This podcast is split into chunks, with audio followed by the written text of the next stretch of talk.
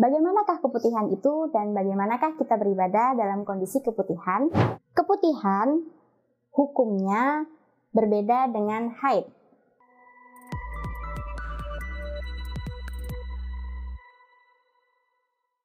Assalamualaikum warahmatullahi wabarakatuh. Rabbi srahli sadri wa yassirli amri wahlul 'uqdatam min lisani yafqahu qawli. Apa kabar Nai Samet? Semoga sehat selalu dan dalam lindungan Allah Subhanahu wa taala.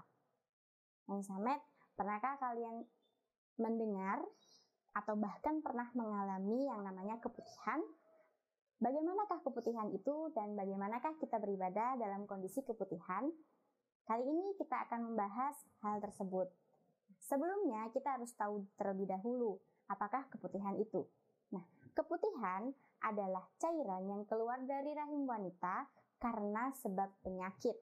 Dan hal ini sering dialami oleh seorang perempuan. Nah, bagaimanakah kita beribadah saat kita mengalami keputihan? Keputihan hukumnya berbeda dengan haid. Dan di sini para ulama menyamakan hukum keputihan dengan hukum istihadah. Sehingga Nai Samet tetap memiliki kewajiban untuk beribadah seperti sholat.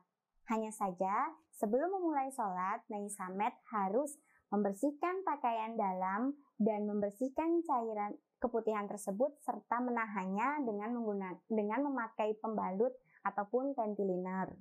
Nah, rusoh yang diberikan ketika Nai Samet mengalami keputihan adalah saat di tengah-tengah sholat, Nai Samet merasakan keputihan yang keluar, maka sholat tersebut tidak menjadi batal. Sehingga Nai Samet tetap boleh melanjutkan sholat tersebut sampai sholat selesai.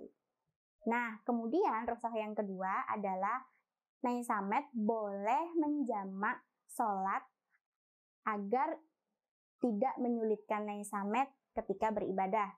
Jamaknya adalah subuh sendiri, zuhur dengan asar, dan maghrib dengan isya. Kemudian untuk ibadah lain seperti puasa, maka Nai Samet tetap bisa menjalani, menjalankan puasa seperti biasanya. Kemudian untuk tawaf bagi yang berhaji, sama seperti sholat, Nai Samet tetap bisa melaksanakan tawaf, hanya saja Nai Samet perlu memakai pembalut atau pentiliner agar menahan keputihan tersebut tidak keluar.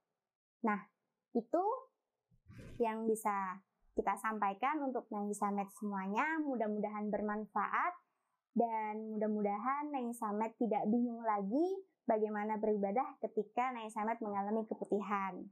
Semoga apa yang disampaikan bermanfaat untuk Nai Samet semuanya. Jangan lupa keep soleha with Naisa. Assalamualaikum warahmatullahi wabarakatuh.